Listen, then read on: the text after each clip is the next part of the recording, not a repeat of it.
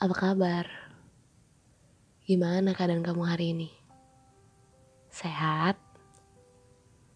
Buat kamu yang di rumah aja, kamu apa kabar? Udah bosen ya? Kalau iya, artinya benar. Kamu adalah makhluk sosial. Hari ini aku bakal ngajak kamu pergi. Bukan, bukan pergi ke suatu tempat. Tapi pergi ke masa di mana kamu baru mengenal perasaan ini.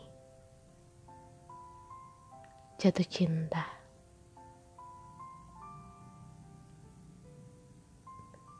Apa ada hal yang lebih indah dari sebuah perasaan jatuh cinta? Jatuh cinta.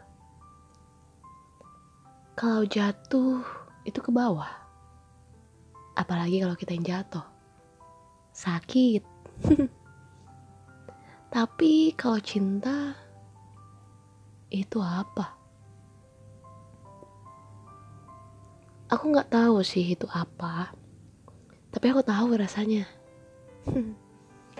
15 tahun yang lalu adalah saat kali pertama aku merasakannya. Gimana dengan kamu? Kapan pertama kali kamu jatuh cinta? Aku penasaran.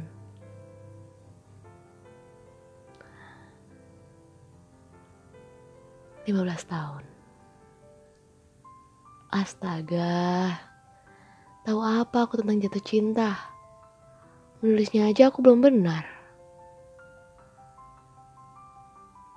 Tapi iya, ini adalah kali pertama aku bisa merasakan malu dengan seorang laki-laki.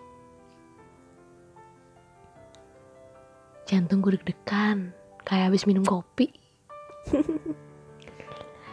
Pipiku tiba-tiba terasa berat dan mau meledak rasanya. Dan mulutku seolah tidak bisa terbuka untuk berkata. Hanya senyum yang tak bisa lepas yang ku tahu. Dari mana aku belajar itu? Siapa yang mengajarkanku perasaan seperti itu? Nggak ada. Itu adalah perasaan yang tidak bisa diajarkan oleh siapa pun. Dan apa pun teorinya. Hari ini aku bisa bilang, Artinya itu aku jatuh cinta. Jatuh ke dalam sebuah perasaan cinta.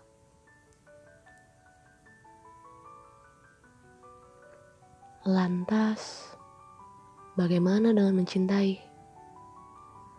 Apakah kamu sudah mencintai dia, Tan? Waktu itu, aku bisa berkata bahwa aku mencintainya dan aku menulisnya dalam sebuah buku diaryku. Bunyinya, Dear Diary, bla bla bla bla bla. Dan tiba-tiba aku menulis, aku mencintainya. Lucu. Bahkan terasa sangat aneh jika aku ingat lagi. Tapi Apakah itu benar yang namanya mencintai? Hmm. Ibaratkan cinta sebagai sebuah lautan. Dan saat itu, aku tak sengaja tercebur ke dalamnya. Aku menikmatinya. Tapi hanya di permukaan. Dan terus seperti itu, sampai alam menyeleksi laki-laki itu pergi dari kehidupanku.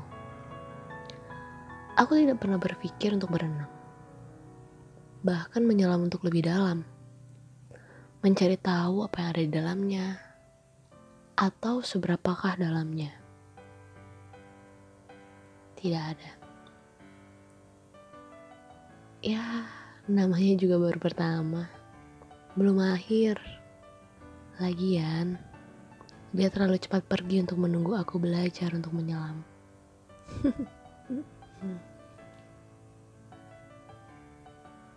Pernah gak sih kamu jenuh untuk menunggu? Marah ketika kamu menunggu terlalu lama. Tapi kali ini, buatku menunggu adalah sebuah kesenangan. Kutunggu dia memberikan sebuah pesan melalui Nokia saat itu. Gak apa-apa lama, asal ada. Kalau nggak ada, bukan marah yang kurasa, tapi sedikit gelisah. Mana dia? Kuharap dia memberikanku pesan, walau hanya sebuah titik. Begitu saja, mau terjun rasanya. Oh ya Tuhan, tak ada kata yang mampu melukiskan perasaanku saat itu. Senang lebih dari bahagia, dan indah lebih dari sebuah keajaiban dunia.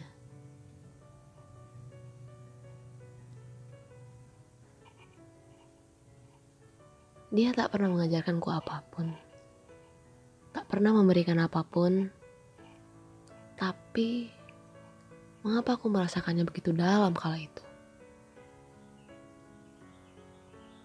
Sekarang, saat aku memberi cinta, malah luka yang kudapat.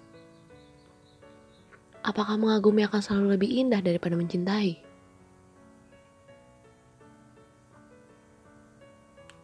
Kataku, menyelam itu gak enak. Aku suka di permukaan. Di permukaan aku gak melihat apa itu berkelahi. Di permukaan aku gak melihat apa itu ketidakcocokan. Dan di permukaan, aku juga gak melihat apa itu sandiwara. Apalagi drama. Muak. Tapi, kalau aku gak menyelam, aku gak akan pernah tahu seberapa dalam lautan itu.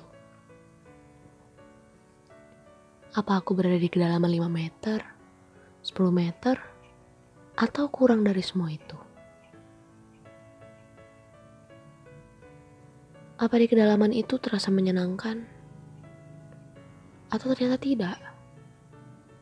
Apakah airnya bersih? Atau kotor?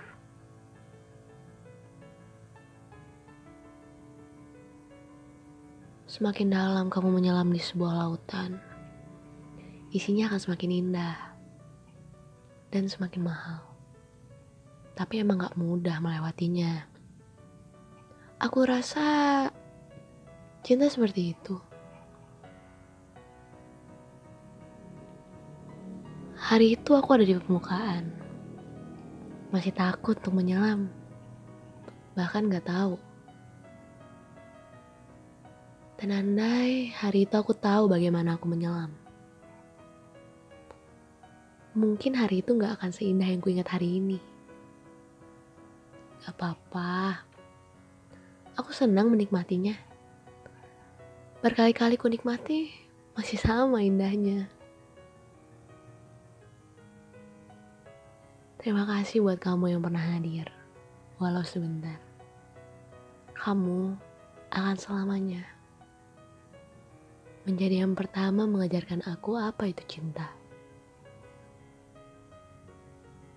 Dan selamanya akan seperti itu.